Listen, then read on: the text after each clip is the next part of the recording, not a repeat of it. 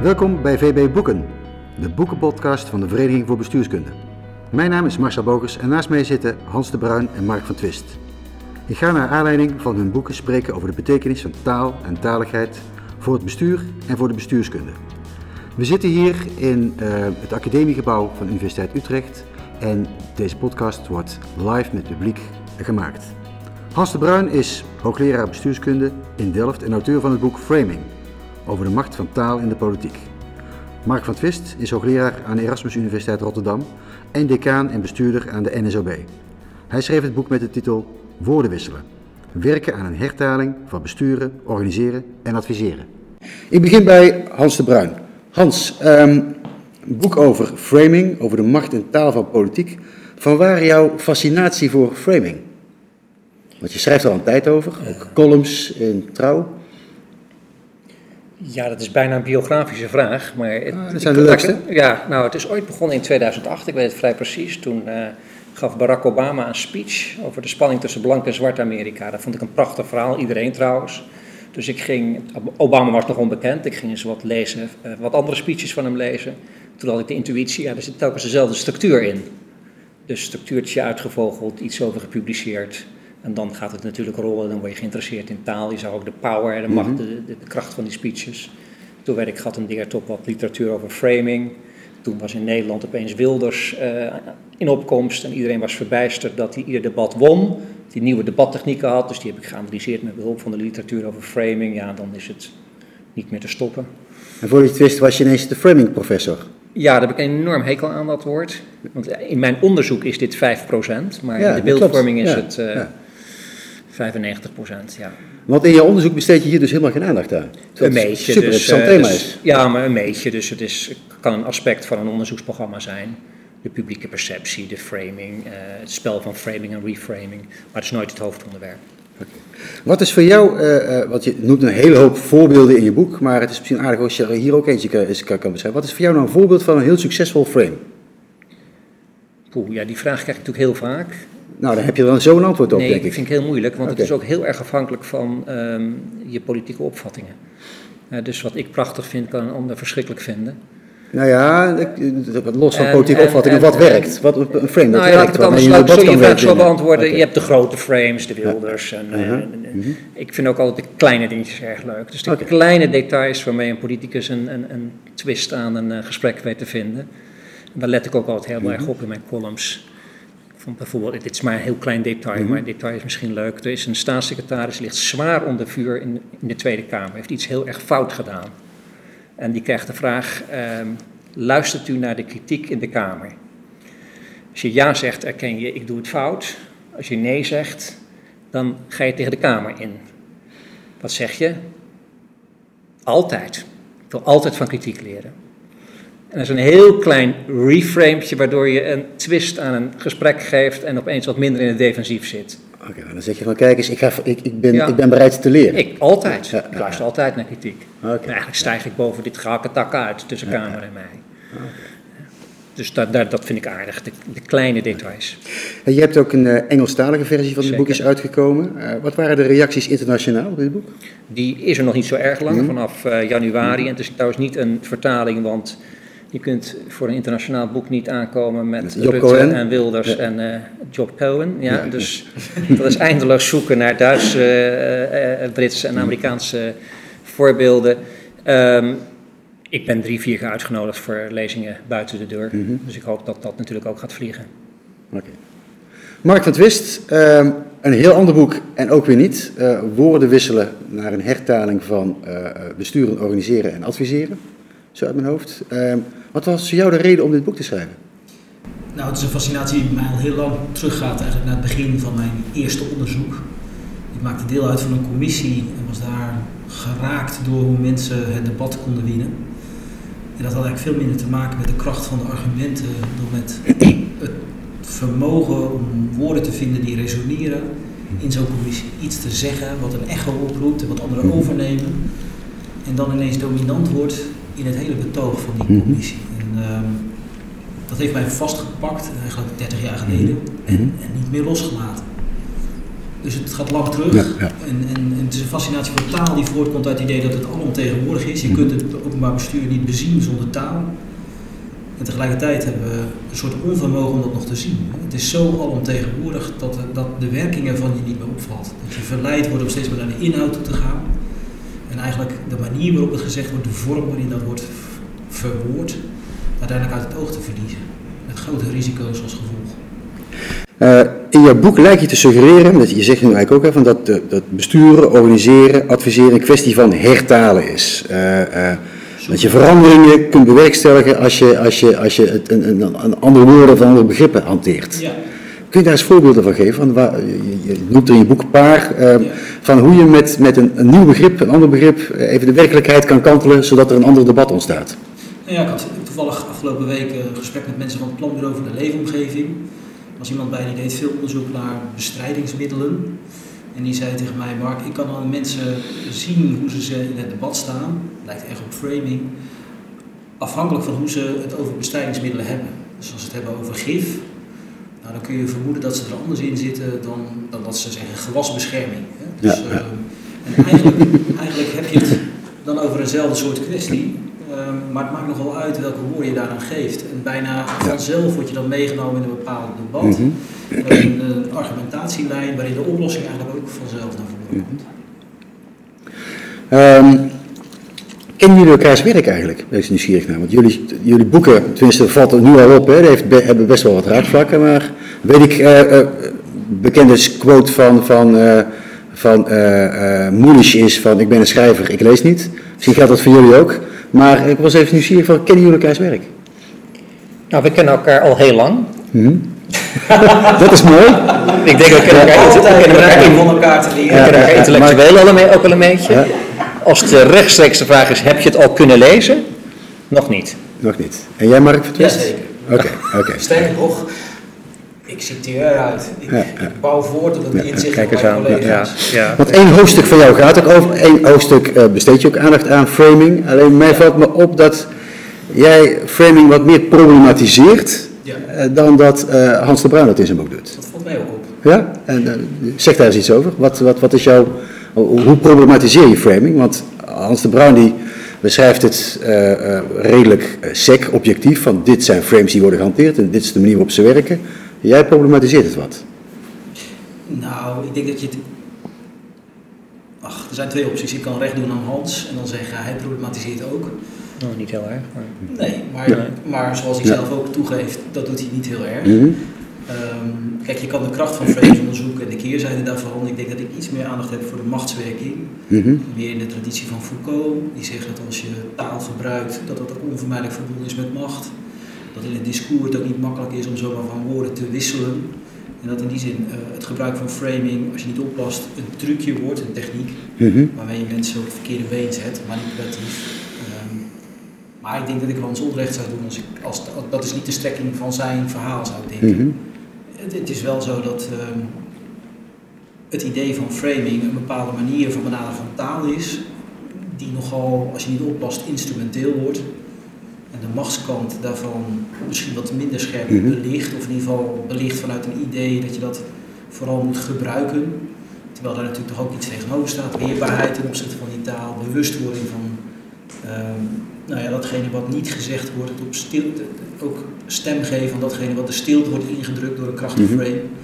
En daar liggen ook wel opgaven, dus ook in de zin van counterframes. Hè? Dus dat, dat veel debat ook een framing contest is. En dat de kunst daar is om de goede woorden te vinden. En, daar ligt ik een opgave, ook vanuit de wetenschap. ehm, om te zoeken naar een zekere lenigheid die nodig is om daarin in dat debat te overleven. Reageer daar eens op, Hans. Her- Herken je dat? Eh, eh, dat dat, dat eh, je als bestuurskundige daar wat gevoeliger voor moet zijn. De manier waarop frames worden gebruikt in het debat. Waarop daar eh, ook, wat dat doet ook met, met machtsverhoudingen. De, de invloed van personen. Ja, natuurlijk. Ja? Ja, ik neem aan, we hebben de ambitie om empirisch onderzoek te doen en de bestuurlijke werkelijkheid af te pellen en daar hoort dit bij. Ja. Dus ik besteed daar niet heel veel aandacht aan, wel een beetje aan de vraag die ook altijd opkomt als je je lezingen overhoudt. eh, wat, hoe waardeer je het moreel? Mhm. Waarbij je kunt zeggen, ja, het is moreel gevaarlijk. Het eh, kan gebruikt worden om te manipuleren, om, om leugens te verkopen. kunt zeggen, dat is misschien zo, maar we zitten nu eenmaal in een machtsstrijd, dus als jij het doet, moet ik het ook doen. Je kunt zeggen, moet je luisteren, eh, het onderscheid tussen frame en werkelijkheid is buitengewoon discutabel. Op het moment dat we zeggen de werkelijkheid is meer duidelijk, is er ook niet iets van een fout frame. En je kunt als uiterste ook nog zeggen, uh, dat is heel leuk in het debat over climate change. Ja, als je echt voor een goede zaak staat, die zegt echt, ik wil de mensen overtuigen dat climate change een probleem is en dat we aan wat, aan wat moeten doen, wat aan moeten doen, moet je ook even nadenken over de framing. Dan wordt het bijna een morele mhm. plicht. Dus je hebt een hele waaier van morele opvattingen en dat zal dus van issue tot issue verschillen. En waarschijnlijk heeft het ook weer te maken met je politieke opvattingen. Ik heb wel zo'n framepje vandalen gaan betalen, dat is zo'n mhm. VVD-frame. Als ik een linkszaaltje heb naar woedend en simplistisch. En als ik een rechtszaaltje heb woedend, want dan zegt men simplistisch, dat is de essentie van wat we vinden. Dus ja, je morele orde wordt ook weer een beetje beïnvloed door je eigen opvattingen. Waar is nieuwsgierig naar ben, uh, hoe jullie uh, allebei een boek geschreven over de betekenis van taal, de macht van taal. Vinden jullie dat de bestuurskunde daar gevoelig genoeg voor is, de Nederlandse bestuurskunde?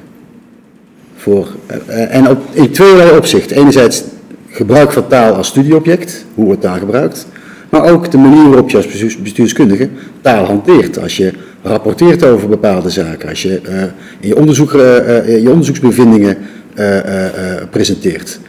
Vind je dat bestuurskundigen daar gevoelig genoeg, voor zijn? het hanteren van taal, woorden, en daarmee ook frames.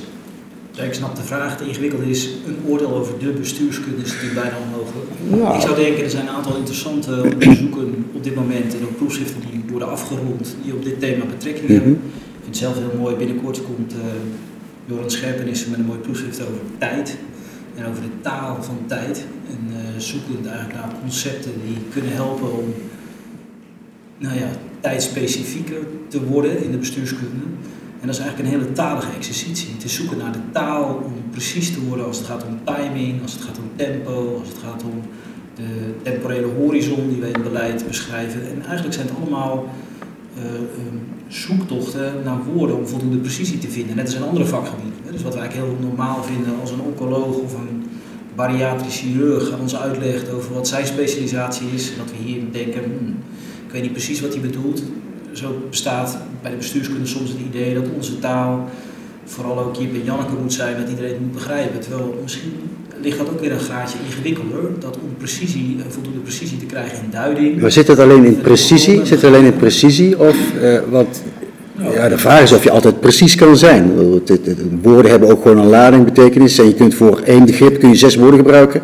En elk, elk woord roept andere eh, connotaties op en associaties op. En daarmee kan het ook andere reacties oproepen. En, ja, maar precisie kan dus ook zijn dat je bewust bent van die zes begrippen of zes betekenissen. Mhm. Of dat je kunt spelen daarmee. Hè? Dus ik maar, vinden, je, maar vinden jullie, uh, want ik ben ook nieuwsgierig hoe Hans daarover denkt, vinden jullie dat bestuurskundigen daar gevoelig genoeg voor zijn? Voor de betekenis van woorden en de reacties die woorden, begrippen, termen kunnen oproepen? Lastige vraag. Ik hou altijd wel van het onderscheid wat ik ergens ooit las in de literatuur tussen uh, politiek, uh, sorry, effectiviteit van beleid en de expressiviteit. Dus krijg je het uitgelegd. Ik kan natuurlijk betogen dat naarmate de politieke verhoudingen volatieler zijn, de wereld oneindig veel ingewikkelder is, het sturend vermogen van allerlei machtscentra steeds minder is, legitimiteit een issue is, mhm. overal en altijd, ja, dan wordt die, politiek, of die expressiviteit erg belangrijk. Dus ik kan me wel voorstellen dat uh, als de bestuurskunde meebeweegt met maatschappelijke ontwikkelingen, dat we hier wat meer aandacht aan gaan mhm. besteden.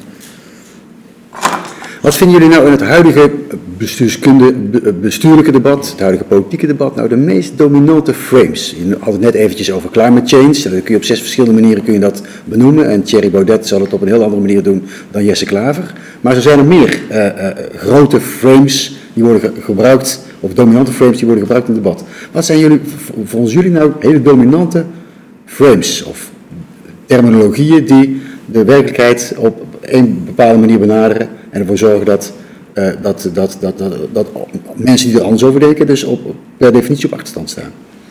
Heb je daar... Uh, ik ga niet helemaal antwoord geven op je vraag, maar ik denk naarmate een dossier erg gepolitiseerd... Dossier klinkt ook zo Haagse. Dat is, heel het is ook een, onderwerp, een onderwerp heel erg gepolitiseerd is, zul je de frames zien opkomen. Ja, dan wordt het antwoord bijna triviaal op je vraag. Maar het hele immigratiedebat, mm -hmm. met name in Amerika heb je van die lijstjes, hè, republikeinse taal, democratische taal. Dus dus illegal immigrants versus undocumented workers. Het is uh, gezinshereniging, dat is linkse taal. Weet je hoe Trump dat noemt? Nee? Chain migration heeft hij Chain migration, Dus het idee, kan één iemand komt binnen, zo de hele keten van mensen achter. Oké, ja, ja. Dus je, ja, je kunt zo zien, de grote debatten die zijn natuurlijk heel erg gepolitiseerd. Jij werkt heel veel met Amerikaanse voorbeelden. Is dat in Nederland ook zo? Dat, dat, dat heel erg gepolariseerd is, dat debat. Dat je, dat je echt twee lijstjes kan maken van... dit is linkse taal van de goed mensen... en dit is eh, rechtse taal van, eh, van... ik weet niet hoe die andere mensen heten... maar eh, eh, eh, in ieder geval dat je, dat je, dat je, dat je met, met twee dominante frames tegenover elkaar kan zetten. Vertoogcoalities. Populisten. Is het Populisten, oké. ja. een goed mens? Ja, ja, Dat Ik denk niet zo scherp als in. Amerika, want Nee. daar heb je ook echte lijstjes. Hè? ja, ja, say this, don't say that. ja, Maar het is natuurlijk wel zo. ja, Nou, de hele kwestie Halsema, daar moeten we het vanavond ook over hebben. ja. Hè, was het een eh neppistool of was het een revolver? Ja. Was het klieren of was het een inbraak? ja. Dus het is eigenlijk overal zo. Het is ook thuis zo. Ben je een egoïst? Of zeg je nee, ik moet trouw zijn aan mezelf? Je hebt ook in de esoterie hele rijtjes waarin slechte eigenschappen goed gemaakt worden. Dus We gaan nog wat leren vanavond, mensen. Eh Mark van Twist. Ja, nou, dat is in de bestuurskunde ook zo, denk ik. Hè. Dus je kan zeggen fragmentatie en versnippering. Mhm. Of je kan zeggen variëteit. En eh, je kan zeggen, we doen het integraal. Of je kan Mhm. zeggen ehm, systeemdwang. En eigenlijk zijn dat ook vormen waarin je dezelfde verschijnselen op een andere manier in taal duidt, dan meer technisch. Maar jouw vraag even naar de dominante frames vind ik ook interessant, niet alleen voor het bestuur, de politiek, maar Hans het over heeft, maar misschien ook voor de bestuurskunde zelf. Ik vind het ook interessant als je ons vakgebied ziet, waar daar de talige vernieuwing zit. Ook om, om, om gevoel te krijgen Mhm. waar laten we zeggen, haakjes zitten voor de toekomstige vakontwikkeling. En die zat vol- volgens mij tot voor kort heel erg bij resilience, Mhm. het idee van maatschappelijke veerkracht ehm, en alles wat daarmee samenhangt. En wat mij recent opvalt is eh, het idee van de behavioral, eh, eh, dus het Mhm. behavioral maken van de bestuurskunde, de gedragseconomie als onderliggende Ja. eh, taal en tekst. Sterk verbonden met nudging-achtige principes. Er komt natuurlijk een heel taalveld achter vandaan. En, ook en daarmee een oriëntatie op wat bestuur is, die toch weer anders was dan in de tijd van New Public Administration of van Network Governance en alles wat daarmee samenhangt. Dus ook in ons eigen vakgebied zie je wel dat eh, wisseling van taal ook weer andere oriëntaties oplevert. En nieuwe discussies, of opening ge- biedt voor andere ja, discussies. Ja, ja, of andere discussies. Ik weet het niet. Het is, het is, hè, in mijn beeld is het zo, een deel van de mensen ziet de wereld even toch gewoon een gemakkelijk frame te scheppen. Eh, een deel van de mensen ziet de wereld als een puzzel. Hè, waar als je meer informatie verzamelt, de stukjes op zijn plek vallen en Mhm. uiteindelijk de puzzel duidelijk wordt. Een ander deel van de mensen ziet, eh, dat is uncertainty als basisconcept. Anderen zien het veel meer met ambiguity. Eh, alles is eh, ambigu en uiteindelijk is het, het de Mhm. meest krachtige verwoording die uiteindelijk Mhm. onze richting en onze aandacht eh, bepaalt. En zo is het ook wel in de bestuurskunde. Dus met een nieuwe taal, ook in ons vakgebied, ontstaat ook weer een nieuwe oriëntatie op dezelfde werkelijkheid, die weer andere dingen uitlicht, die ook weer nieuwe dingen laat zien, en daarbij ook weer nieuwe dingen in debat brengt en misschien ook weer als stiekem andere dingen weer in wegdrukt minder prominent maakt. Dat, is natuurlijk, dat vind ik eigenlijk ook interessant hè, vanuit mijn perspectief. Dat waar een nieuw dominant discours ontstaat, onvermijdelijk ook als schaduwkant daarvan weer andere dingen de stilte worden ingedrukt. Zie, je dat, zie je dat gebeuren? ja, ik denk het wel Ja? rondom resilience. Ja, Hans, dat is, ja, dat is ja. natuurlijk het thema de NWA. Ja, Ja, dan vallen dan een paar Nationale dingetjes af. wetenschapsagenda, Ja, ja, een paar ja. dingetjes af. Heel veel mensen gaan natuurlijk ook omkatten. Ja. Die doen iets, dat heet opeens resilience. ja. Dus- En Dus tamelijk blijft ook een beetje Ja. opzij, want er komt toch ook wel iets nieuws in beeld. Dat, Ja. eh, ja, de verbale vernieuwing, die schreef daar ooit over. Ja, ja, ja. Ja, lang geleden. Dat Ja. dat Ja, dat heb ik ja. echt goed gelezen. Eh, inderdaad, Mark, jij schreef, jij schreef je proefschrift over verbale vernieuwing. En eigenlijk gaat, daar, gaat jouw boek daar nu ook over. En je zegt van kijk eens, we moeten daar als bestuurskundigen ook, ook alert op zijn. En, daar ook, en, en, en ook vernieuwend zijn. Ja. Ehm, tegelijkertijd hoorde ik jou ook net even zeggen van eh, eh, eh, bestuurskundigen die hebben het over ehm, variëteit of over fragmentatie. Maar mijn indruk is altijd dat die, dat, die, dat, die, dat die begrippen nooit echt heel doelbewust worden gekozen. En vaak wordt, het, wordt toch fragmentatie of versnippering gebruikt en niet variëteit. Er wordt over integraliteit gesproken en niet over systeemdwang. Dus zijn bestuurskundigen daar, ook als dan hebben we het niet over binnen de wetenschap maar, en hoe de wetenschap verder kan, maar ook gewoon de ma- maatschappelijke betekenis van bestuurskundige en bestuurskundige publicaties en hun verhalen in de beleidspraktijk. Zijn bestuurskundigen zich wel gevoelig, gevoelig genoeg, en dat lijkt een retorische vraag en is het misschien ook, zijn die gevoelig genoeg voor de betekenis van de begrippen die zij hanteren? Marcel, wat denk je zelf? Oh, dat is een mooie. Ja, ik, ik, ik, ik, ik vraag me het af, ik denk het niet. Ik denk het niet. Maar ik ben nieuwsgierig wat, wat, wat, wat, wat jij dan als, wat, Ja. je schrijft er het nodig over, wat jij dan als remedie ziet. Ik denk dat bestuurskundigen daar onvoldoende bewust van zijn. Ja, nou, Ja. dat neem ik dus niet over, want dat vind ik ingewikkeld over de bestuurskundigen te spreken. Veel bestuurskundigen, ja, ik, ik, wat, ik, wat ik interessant vind is de vraag, zijn we lenig genoeg in het Mhm. gebruik van concepten? Ik Mhm. gebruik het voorbeeld van als ik tegen jullie zeg, allemaal even opstaan en in spagaat. De meeste mensen zeggen, mag ik even oefenen? Dat gaat niet zo Mhm. makkelijk.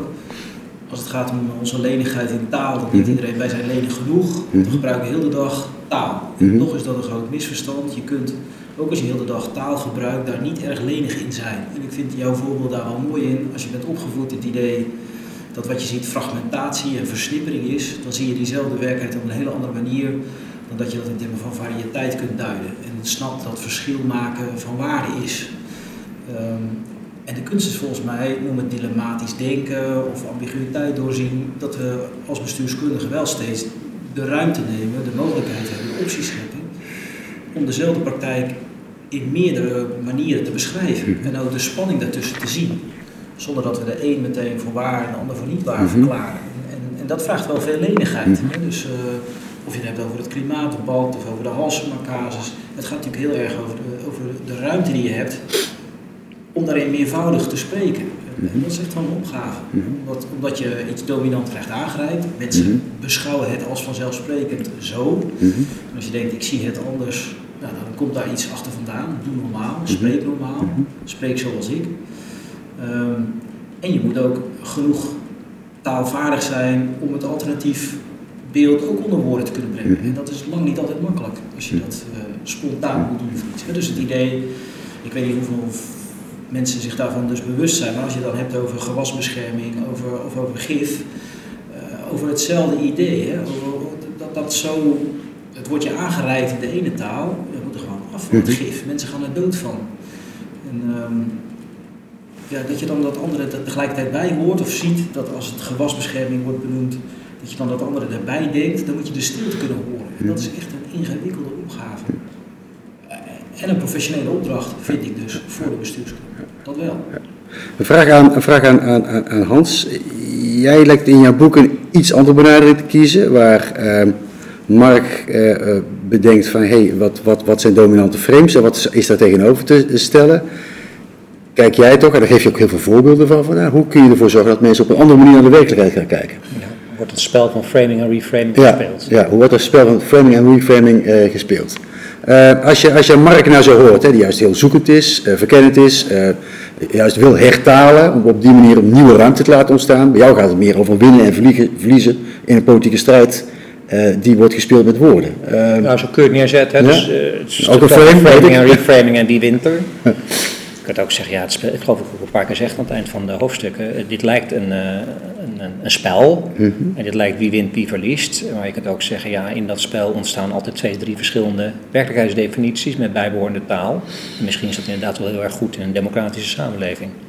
Dus het is niet alleen winst-verlies, maar het is ook het vermogen om. eh, het- en, maar in dat spel, laat ik het anders formuleren, van framing en reframing, word je ook gevoelig voor de verschillende perspectien die er op eenzelfde probleem kunnen zijn. Ja, of je noemt het macht en tegenmacht. Ja. Het is maar goed dat je tegenmacht hebt ten Ja. opzichte van de macht die je hebt. En daar zit ook wel ruimte. Dus het is ook geen, eh, geen plat spel. Of. Ik ehm, luisterde op weg hier naartoe naar een programma over debat, het debat in de Kamer. Algemene beschouwingen. Ja, daar werd eh, waren. opgemerkt door een debatspecialist die het bekeken had, dat die vond dat de politici de afgelopen tien jaar, hij bekeken het al tien jaar, zo vooruit waren gegaan in het heel scherp framen, hè, verwoorden van hun eigen opvatting. En dat is op zich natuurlijk een goede zaak, dat iedereen weet dat dit spel, dit taalspel gespeeld wordt en zich maximaal inspant om de eigen opvattingen zo goed mogelijk over het voetlicht te krijgen. En toch zeg je van, het, het, het mag geen kunstje zijn, of moet geen kunstje zijn, maar terwijl, ik heb het idee dat het wel... eh, Het mag een kunstje zijn, maar het is soms een kunstje en soms niet. En soms een het wordt in, mooie wordt, wordt in de praktijk veel gebruikt, hier, Jazeker. dit boek. Ja, Ja, ook in opleidingen. Ja. Oh, dat boek, dat weet ik niet. nee? Of het veel gebruikt wordt in opleidingen? Ik Volgens weet mij. ik eerlijk gezegd niet. Politieke klasjes, ik kan me voorstellen als hiervan spreken. Oh ja, ja, ja, ja. Je bedoelt klasjes. Nee, Klasjes, klasjes van, van, van politici, Ja, die, eh, die debatvaardigheden bijgebracht moeten worden. Ja, dit boek lezen kan ik me voorstellen. zeker. Ja, ja,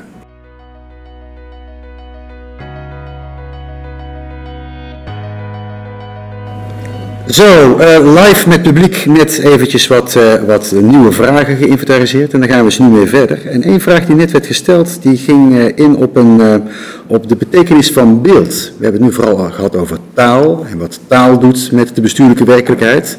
Maar we kunnen het natuurlijk ook over beelden hebben. op dit moment in het Designmuseum in Den Bosch tentoonstelling over design in het Derde Rijk.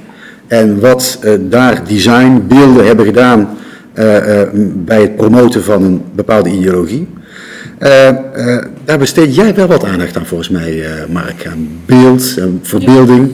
kun je daar eens wat meer over vertellen?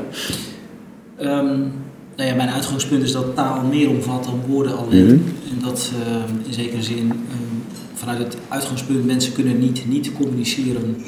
Alles wat wij doen ook een vorm van communicatie in taal is. En dat ook bijvoorbeeld een gebouw als een versteend, uh, versteende vorm van de neerslag van, van wat wij zeggen eigenlijk ook taal is. Dus, uh, en dat ook de entourage, bijvoorbeeld deze zaal, ook in zekere zin taal is. Dus ik heb een ruime opvatting van taal mhm. daar waar dit onder valt. En, en, wat ik heel interessant vind is hoe dat meespreekt en meepraat. Mhm. Ja. Als je er voldoende uh, oog voor hebt. Dat kan zijn hoe je ontvangen wordt in een zaal, dat kan zijn hoe de gebouwde omgeving in de architectuur neerslaat. Mhm. En eigenlijk zijn dat veelzeggende elementen, ook symbolen, waar mensen omheen hun communicatie mhm. organiseren.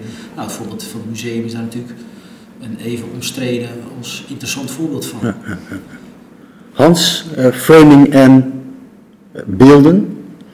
Je vraag is? Mijn vraag is van ja, framing, zit dat alleen in, beeld, in, in, in, in taal, de woorden die worden gebruikt, of zit dat ook in de beelden? Jij, als je framing definieert als een strategie om onze hele ingewikkelde werkelijkheid om iets te overinterpreteren en te onderinterpreteren. Want dat doe je met woorden, dat doe je natuurlijk ook met beelden. En we kennen allemaal die iconische beelden uit de, nou, zelfs uit de recente politieke geschiedenis. We kennen ook allemaal het verschijnsel framen met beelden. Was het niet de Volkskrant die een jaar wat geleden een foto publiceerde van vluchtelingen op de Middellandse Zee? Het zag er afschuwelijk uit. Ja. En vervolgens een andere krant die zei, u heeft die foto geframed, want u vergeet er eventjes heeft een stuk uit, heeft hem geframed, want in werkelijkheid is die boot in de haven aangekomen. Ja, ja. Het is ook interessant als je de letterlijke betekenis van het woord framing erbij neemt. Dus het idee dat het inkaderen is. Inkaderen van een fotobeeld of een ander beeld. Fotobeeld, dus dat het eigenlijk ook een, een metafoor is die je ontleent niet aan de taal zelf, maar juist aan de manier van kijken die wordt uh, gesuggereerd. Een andere vraag die we net kregen uit het publiek uh, ging uh, over een recent proefschrift over de Zwarte Pieten discussie in Nederland. Met als titel, we houden het wel gezellig. En uh, het interessante daarvan, de interessante conclusie uit dat proefschrift was van dat in het vertoog over Zwarte Piet, wat best een heel heftig debat was, toch vanuit het idee, we houden het wel gezellig, bepaalde taal, bepaalde taaluitingen, bepaalde begrippen taboe waren. Uh, dus een bepaald, bepaalde vertoog, een bepaald discours kan in- en uitsluiten. Um, hoe werkt dat in de praktijk? Kun je daar eens voorbeeld, voorbeelden van geven hoe bepaalde dingen, uh, uh, woorden, begrippen en daarmee ook meningen buiten de orde kunnen worden geplaatst? Nou, ik vind, dit, is, dit is een mooi voorbeeld al gezellig. Ja. We houden het gezellig, betekent al te uitgesproken standpunten mogen niet. Mm -hmm. Ja, dat lijkt me een mooi voorbeeld. Ja, Andere? Nou, ik vind het, het, voorbeeld is vooral interessant in de zin van, in, in ons eerder gesprek zei Hans, het is goed dat we framen, want daarmee maken we dingen scherp. En uh, het scherp maken is in zich van waarde, want het mm -hmm. maakt standpunten duidelijk, biedt ook ruimte om tegenspraak te bieden. Dus daar zit iets in dingen scherp maken, zit, zit waarde. En tegelijkertijd bij de Zwarte Pieten discussie zie je dat dat scherp maken tegelijkertijd ook een polariserende werking heeft mensen uit elkaar drijft, voor je het weet, uh, tegenstellingen onoverbrugbaar maakt. Mhm. En de behoefte aan een nieuw midden doet ontstaan. Dat is ook een gesprek wat wij wel eens hebben over het, uh, waar het nieuwe midden dan zit, of het nieuwe mhm. tussen. Um, en dat, is, dat vind ik ook een interessante vraag in dit debat. Hè? Dus dat als je uh, het Zwarte Piet debat scherp maakt, ehm, Black Piet mag niet, en mhm. dat is ook logisch en eigenlijk ook verwerpelijk als je daar wel iets van wil vinden. Dan kun je zeggen, nou ja, laten we het gezellig houden, is een soort disciplinerende manier om dat debat niet scherp te krijgen. Fout. Mhm. Je kan ook zeggen, het is een matigende uh, toon mhm. die je misschien wel moet aanslaan om dit debat op een fatsoenlijke manier te vieren. Dus daar zit niet alleen de vraag in Zwarte Piet of niet, Maar ook de vraag op welke toonhoogte voeren we het debat. En, en ook daar zit niet, dat zit niet los van framing, maar in zichzelf weer een andere framing context. Ik hoor Dat je je, over de framing, over Zwarte Piet. gaat. Mag het gezellig houden? Of wat is, daarboven hangt weer een frame, ja. dat ik Ja. nu formuleer. Dus ja, Hans, ik hoor je, ik hoor- je eh, eh, eh, net werd gezegd door Mark van ja, frames zijn vooral om zaken aan te scherpen. Ja. Ik hoor jou juist ook wel zeggen, net ook in je inleiding over Barack Obama. Barack Obama, juist als voorbeeld als iemand die juist tegenstellingen overbrugt, tegenstellingen aanscherpt om ze vervolgens te overbruggen. Eh, eh, dat daar je frames dus ook voor kunnen worden gebruikt. Frames po- polariseren niet alleen, maar frames kunnen dus ook verbinden. Ja, ik zou zeggen, het spel van framing en reframing, je hebt een frame, ik reframe, maakt in de regel de tegenstelling scherp. Jij noemt het gif, ik noem het, wat was het? Gewasbescherming. Gewasbescherming. Ja, ja. En dan kun je zeggen, ja, het zijn twee verschillende perspectieven op eenzelfde werkelijkheid. Goed dat ik daar eens over na ga denken. Is het nou gif of gewasbescherming? Dus dat is in het spel van framing en reframing. Maar zo'n ehm, frame als van Obama, hè, die zal altijd hetzelfde trucje, zou je kunnen zeggen, toepassen. Hè, die zegt, je hebt eh, blank versus zwart, dat is een diepe kloof. En die diepe kloof, ik sta aan beide kanten. Ik had een zwarte vader en een blanke moeder. En zo stijg ik langzaam boven die tegenstelling uit. Dat is natuurlijk ook een frame, en dat is wel verbindend. ja. Dus het hoeft niet per se polariserend te zijn, het kan ook verbindend zijn, het kan er ook toe dienen om, iets, Mhm. om ergens iets aandacht voor te vragen. Dus we kunnen het misschien straks nog hebben over eh, klimaatverandering en de framing daarvan, daar gebeuren ook.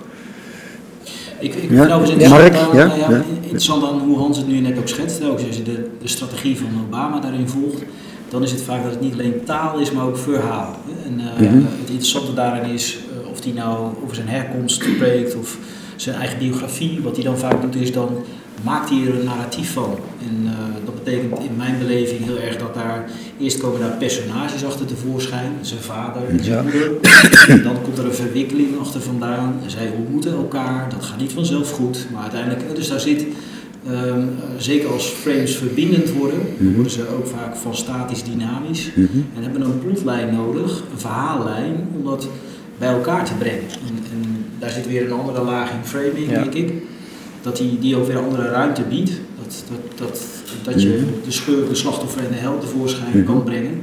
En als je dat dan nog subtiel doet, dat is ook een interessante kunst, dat je daar dan ook nog extra relief aan geeft. Dus dat je dat geen flat characters maakt, jij bent de schurk of niet, maar dat je een aaibare schurk bent. Of, uh, Er moet dynamiek in. Ja, ja, ja. Ja, ja. Hebt ook hele mooie publicaties, ik weet de titel nu even niet, met al die verhaalstructuren. Die komen uit de oude mythologieën, die komen uit de Bijbel. Ja. Ja. Ik was arm, ik werd rijk, ik zonk weer heel diep en uiteindelijk ben ik een beter Ja. mens geworden. Dat soort, eh, dat soort stuff. Ja, ja, ja. Maar dat zijn wel verhalen, maar dat zijn vaste verhaallijnen, zeg je Ja. eigenlijk. Maar die verhalen zijn dus ook belangrijk. Behalve begrippen, termen, Ja. verhalen vertellen. Ja. Ja. met rollen en rolwissels. Ja, ja, ja. Ja. en ook, ik, mag ik een voorbeeld geven? Ja. Ik ben zelf ehm, Mark, ja. ik ben lid van een commissie die doet onderzoek naar het faillissement van, van een aantal ziekenhuizen. En eh, daar komen Daar kun je verschillende verhalen over Daar vertellen. kun je heel verschillende verhalen over vertellen. Ja, ja. En ook een heel verschillende rolverdeling voor dezelfde partijen. Dus de verzekeraar kan de held en de schurk zijn. En de zorgondernemer kan zomaar als slachtoffer of als eh, helper of held tevoorschijn komen. En de bank, eh, de patiënt kan ook op een heel verschillende manier in, in beeld gebracht Mhm. worden. Het maakt nogal uit welke, welke verhaallijn dat je kiest, welke plotstructuur, tragisch of romantisch of satirisch. Ehm, ehm, en de lenig, ook, ook hier weer, het is allemaal een kwestie van lenigheid. Dat geeft ruimte, maar dat sluit mensen ook op. Hè. Dus als je Ja. dit in de gaten hebt, dan zit je in zo'n verhaal en denk je, het is echt wel logisch. Mhm. En, Ja. en dat, dat ontspint zich op een manier dat je denkt, ja, als dit, de moraal van het verhaal biedt zich zo vanzelfsprekend aan, dat je er ook in gevangen raakt Ja. als je niet oppast. Je doet nou, je vertelt nu, eh, ik doe dat vanuit de rol van eh, commissielid die dit evalueert als onderzoeker. Maar dit zijn bestuurskundige onderzoekers doen ook dit soort onderzoeken. En die kunnen ook kiezen uit verschillende verhalen die ze vertellen. Ja, maar wat ik te weinig heb gezien, dat zou ik dan wel Ja. leuk vinden, en ooit nog een te verschijnen proefschrift, dat je, dat je laat zien hoe, hoe lenigheid in verhaalstructuren ertoe leidt dat je dezelfde casuïstiek op een heel andere manier kan, kan, kan Mhm. zien. Dus we hebben wel Allison, hè, dus die heeft eh, drie, Essence of Decision, essence of the- drie manieren om eh, hetzelfde verhaal te vertellen. verhaal te vertellen. Maar dat analytisch invullen in waar zit de schurk, de held, de slachtoffer en de helper, evenals Mhm. de, narratieve, de narratieve structuur, een tragisch verhaal Mhm. of een verhaal waarin uiteindelijk eh, de overwinning Mhm. plaatsvindt. Eh, maar ook de verwikkelingen die achtereenvolgens plaatsvinden. Dat is interessant om dat nog eens preciezer te analyseren. Ja, in jouw boek, eh, Mark, eh, eh, spreek jij eh, van altijd op dat je zelfstandige naamwoorden, dat je daar werkwoorden van maakt. Dus je Ja. hebt het niet over organisatie, maar over organiseren. Niet Ja. over een bestuur, maar over besturen. Ja, Niet over een adviesbureau, maar over adviseren. ja. En waarom heb- kies je heel bewust voor die werkwoorden? Nou ja, het is een beetje in de traditie van Weik, eh, sociaal psycholoog, die zei stamp out nouns. Dus Hm. Verdrijf de zelfstandige naamwoorden uit het vak. Mhm. Ehm, en die heeft het eigenlijk over de verborgen verleiders in taal. Dat als wij dingen als een zelfstandig naamwoord eh, eh, benoemen, dan verliezen we eigenlijk het dynamisch karakter ervan. Hè, Dus dan reïnificeren we het, eh, de organisatie, het bestuur.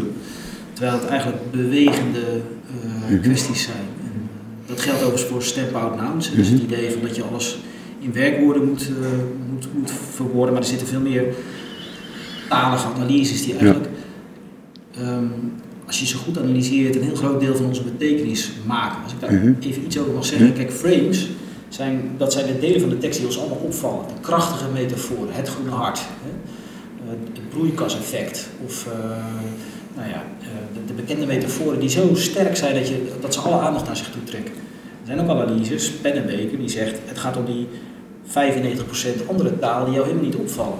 Dus eh, de woorden waarvan je niet weet dat ze er zijn, maar die de betekenis wel Zoals? maken. Nou, er is onderzoek gedaan naar lidwoorden bijvoorbeeld, eh, presidentscampagne. Eh, en een van de dingen die opviel in de campagnes van Obama was hoe weinig hij lidwoorden gebruikt ten opzichte van zijn opponenten. En, dus hebben ze gewoon geteld hoeveel keer de en het. Hij wou gewoon snel spreken, snel zijn verhaal kwijt. Ja. Nee, de kwaliteit ervan is blijkbaar dat als je de en het, dat je dingen precies maakt, bepalend laat zijn. En dat als je in abstracties spreekt, dan heb je de en het niet veel nodig. Er zijn ook cultuuranalyses Ja, gedaan naar het gebruik van hoe jij over je organisatie spreekt. Dus als ik zou vragen, Marcel, hoe is het bij de universiteit? Als je dan zegt ik en de universiteit, of ze en de universiteit, of wij de universiteit. Dat zijn natuurlijk heel verschillende manieren van je verhouden tot hetzelfde fenomeen. En ook dat zijn geen grote metaforen, geen frames die je meteen opvallen, maar juist verborgen verleiders. Teksten die eigenlijk onzichtbaar zijn, maar die heel sturend kunnen zijn voor, voor, voor betekenisgeving. Hans, jij wou erop reageren? Nou, detail, maar Hm? eh, de, de manier van spreken van Obama, Ja, eh, die vaak als heel inclusief wordt gezien. Ja. Dus jij noemt het voorbeeld van die lidwoorden, wat Ja. ik een ander mooi ding vind. Je moet als politicus een tegenstander hebben en tegelijk wil je inclusief spreken. En hij lost dat altijd op, of loste dat altijd op in zijn grote speeches, door niet te spreken over de Republikeinen of over mijn tegenstander, maar eh, de mensen die niet in verandering geloven. De cynical talk. Oké, Ja, dus dat was meer een houding. En natuurlijk, ja, als jij in de zaal zit, dan zul je in 9 van de 10 gevallen denken: ik wil niet gekwalificeerd worden als iemand die niet in verandering gelooft. Ik ben niet cynisch, dus Mhm. ik doe mee. Waar ik nieuwsgierig ben, hoe jullie er allebei over denken. Breek allebei een lans eh, eh, voor het meer aandacht besteden in bestuurskunde voor taal en taligheid. Ehm, en de vraag is, wat zou dat moeten betekenen voor bestuurskundig onderwijs? Zou, eh, zou bestuurskunde, bestuurskundestudenten eh, eh, ook wat meer taal mee moeten geven? Volgens mij, misschien nog altijd Ja, ja, Kijk, volgens mij is opleiden is een taal leren. Het is gewoon een misverstand om te denken dat Ja, het anders is. Dus ja. mensen denken dat ze theorieën krijgen aangeleerd. We, denken dat iemand een discipline, maar dat is eigenlijk gewoon een taal. Een taal, om, maar, maar maken we ze dan ook bewu- bewust genoeg? Want dit is, dit is een taal, een taal om, om, om op een academische, eh, analytische manier ingewikkelde processen te ontleden. Maar krijgen ze ook eh, gevoeligheid voor wat, wat een taal doet en wat een lidwoord kan betekenen. En wat, hoe, wat de gebruik van lidwoorden doet met, met het beschrijven van een fenomeen, bijvoorbeeld. Sterker nog, ik Eh, zou zeggen dat onder- onderwijs zit daar in de weg. Dus wat we dan doen is, dan geven we wat is openbaar bestuur, de definitie. En dan krijg je ook nog goed of fout. Als je de definitie goed hebt of fout, en daar zitten allerlei suggesties aan vast dat het begrip helder omlijnd zou kunnen zijn, dat de definitie helpt, dat het uiteindelijk eh, de ware betekenis van het woord tevoorschijn komt. Wat natuurlijk in ieder geval in mijn manier van denken over taal eh, eigenlijk een illusie is. Hè? Dus per definitie zijn ze omstreden, per definitie zijn ze niet scherp omlijnd en gaat het juist over de strijd om die betekenis die de kern vormt van waar Mhm. Theorievorming over zou moeten gaan, maar ook onderwijs. Hans? Nou, misschien hetzelfde iets anders geformuleerd. Ik zit tussen de techneuten aan de TU Delft. En dan, Hele andere taal wordt daar gesproken? ja, ook trouwens minder verfijnd. Dus Mhm. eh, wat we hier zijn we heel verfijnd bezig. Variëteit, fragmentatie, nou dat is allemaal eh, niet aan iedereen besteed. Maar ehm, dan denk je wel eens na als je daar zit van wat is nou de essentie van, van bestuurskunde. Wat wij, wat wij bieden aan mensen die met hele belangrijke technologische vraagstukken bezig zijn. En ik ben steeds meer geneigd om te zeggen als ik alles afpel is eh, onze training dat wij kunnen kijken naar de sociale werkelijkheid. Dat we beseffen dat die gelaagd is en ambigu en dat we dezelfde werkelijkheid op vijf verschillende manieren kunnen beschrijven. En dat die vijf verschillende manieren ook overtuigend zijn. Dat vind ik echt ons onderscheiden van, ja, van bijvoorbeeld engineers die een wat lagere tolerantie voor ambiguïteit hebben. En als dat zo is, ja, dan is het natuurlijk ontzettend belangrijk dat je daar de taal bij vindt. Ja. En dat je dus ook oefent in taal die, En doen, die we dat, en, doen we dat genoeg, en doen we dat genoeg in Ja, bestuurskundeopleiding? niet. Nee, ja, dat weet je wel, want je, je, bent eraan verbonden aan een, een, aan een bestuurskundevak. Wordt, wordt er eh, aan de TU Delft of aan de Erasmus Universiteit Rotterdam, wordt er genoeg Ja, ik me een beetje oncomfortabel bij de vraag, want als ik een boek over cybersecurity had geschreven, had ik gezegd er wordt er weinig aan cybersecurity gedaan. En nu ga ik zeggen er wordt weinig aan taal gedaan. Ik denk dat het je belang is dat je in staat bent om een werkelijkheid op meerdere manieren te beschrijven en dat eh, elk van die beschrijvingen dat die overtuigend is. En dat vergt natuurlijk lenigheid qua taal. Er zitten hele kleine dingen. Wat zou helpen om bestuurskundestudenten daar gevoeliger voor te maken? Mark? Trainen, trainen, trainen. ja, lenigheidsoefeningen. Ja. Dus eh, lenigheidsoefeningen met taal. de- de- dat doen we- Antoniemenlijstjes, gewoon. Nou ja, nou ja, ik vind bijvoorbeeld het dilemma-denken daar een interessant voorbeeld van. Ja. hè. Dus ik weet niet hoe jullie dat doen. In, eh, dus je hebt ambiguïteit en je hebt ambivalentie. Dat zijn de twee uitgangspunten in ieder geval in het onder- onderwijs wat ik verzorg. Idee is steeds dat als je vanuit de ene waarde dezelfde werkelijkheid verwoordt dan vanuit de andere waarde, daar nog hele andere verhalen achter vandaan komen die niet zo makkelijk met elkaar te verenigen zijn. En dan maakt het eigenlijk helemaal niet uit of het gaat over Zwarte Piet, of over het klimaatdebat, of over immigratie, of over de toekomst van het UWV. Steeds zijn het natuurlijk wel dezelfde kwesties die erachter vandaan komen, namelijk de meervoudigheid. ehm, en, en, en, en de ruimte die je moet hebben om dat anders te doen. En, en ik denk wel dat we dat proberen. Alleen dan niet expliciet. Bij ons gaat het over, ja, je hebt de netwerkbenadering en je hebt de managementachtige benadering. Je hebt het klassieke recht als manier van formuleren en de economie als discipline die de basis voor, voor het vak. Het zijn allemaal pogingen om meertaligheid, zonder het expliciet te benoemen, wel in het vak te brengen. Maar je zou het misschien explicieter kunnen maken door ehm, nou, te laten zien dat die grammatica ook andere logica's met zich brengt en, eh, en dat die spanning niet zomaar te verenigen is. Ehm, ik denk dat we het wel proberen in het onderwijs hoor. Ehm, ja. Oké, oké, punt. Een laatste vraag. Ehm, jullie boek over taal en taligheid. eh, eh, enerzijds nieuw, anderzijds ook weer niet natuurlijk. Hè, want in de postmoderne bestuurskunde is er al heel lang meer aandacht voor taal en taligheid in de verschillende manieren. De klassieke Griekse filosofie. Retorica. Precies. Eh, retorica. Wat jullie boeken allebei op een iets andere manier doen, is wel eh, een beetje een managerial perspectief op, op, op taal. Namelijk, eh, als we het goed hanteren, kunnen we daarmee de werkelijkheid laten kantelen, dingen in beweging zetten. Eh, waarbij dat, dat, dat, dat eh, postmoderne denken nog op een bepaalde manier een vrolijke chaos was. Dan zeggen jullie van nee, die chaos die kun je beheersen. Als we maar het juiste lidwoord weglaten of, of een juiste term gebruiken. Ehm, Dat frame, daar gaat Hans op reageren. ja, precies. Ja, is, een eh, enorme overinterpretatie van eh, ja, is dat zo? deze bescheiden boeken. Is, Ja, is dat zo? ja, Ja. ja, dat Is, is dat, is dat mijn, ja, ik Marcel, wat vind je zelf? nee, nou, ik vind helemaal niks. Ik vraag jullie wat. dat is een makkelijke truc, maar ik, die ga, daar ga ik nu, nu niet intrappen. Maar, Niet intrappen. ik ga er niet intrappen. Maar wat, wat eh, is, dit, is dit waar ik gewoon even nieuwsgierig naar ben? Ehm, eh, eh, hoe verhoudt dit zich tot, tot het klassieke, eh, eh, ehm, eh, of klassieke, het, het postmoderne denken over, bestuur, over bestuurskunde en over de betekenis van taal? En hier zeg je van, nou kijk eens jongens, die ambiguïteit, die kan er wel zijn, maar die, die, die, die, je, je kunt het wel hanteerbaar maken door juiste woorden op het juiste moment te gebruiken. Ik denk dat de professionele opdracht waar dit vak vandaan komt, de bestuurskunde, is natuurlijk in zekere zin verbonden met de professie van mensen die, of ze dat nou leuk vinden of niet, bezig zijn met of verandering zelf te bewerkstelligen of anderen daarin te ondersteunen. En, en dat maakt denk ik wel dat er een zekere misschien bias zit in ons boek, dat je allebei probeert mensen te helpen om het goed te doen. Ehm, en als daar eh, de indruk uit ontstaat dat het vanuit de gedachte is van beheersing, zou ik zeggen, nou bescheiden ik denk niet dat het allemaal zo makkelijk is en veel beter kan, Mhm. maar wel dat dat een intentie is om mensen te laten zien hoe dingen werken. Vanuit de gedachte dat begrip wel helpt om het beter te doen.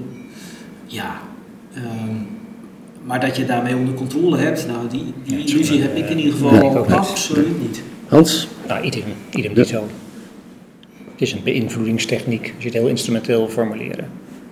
Eén van de vele. En ze gaan op een gegeven moment ook weer vervelen, want we hebben het nu over verhalen, we moeten verhalen vertellen.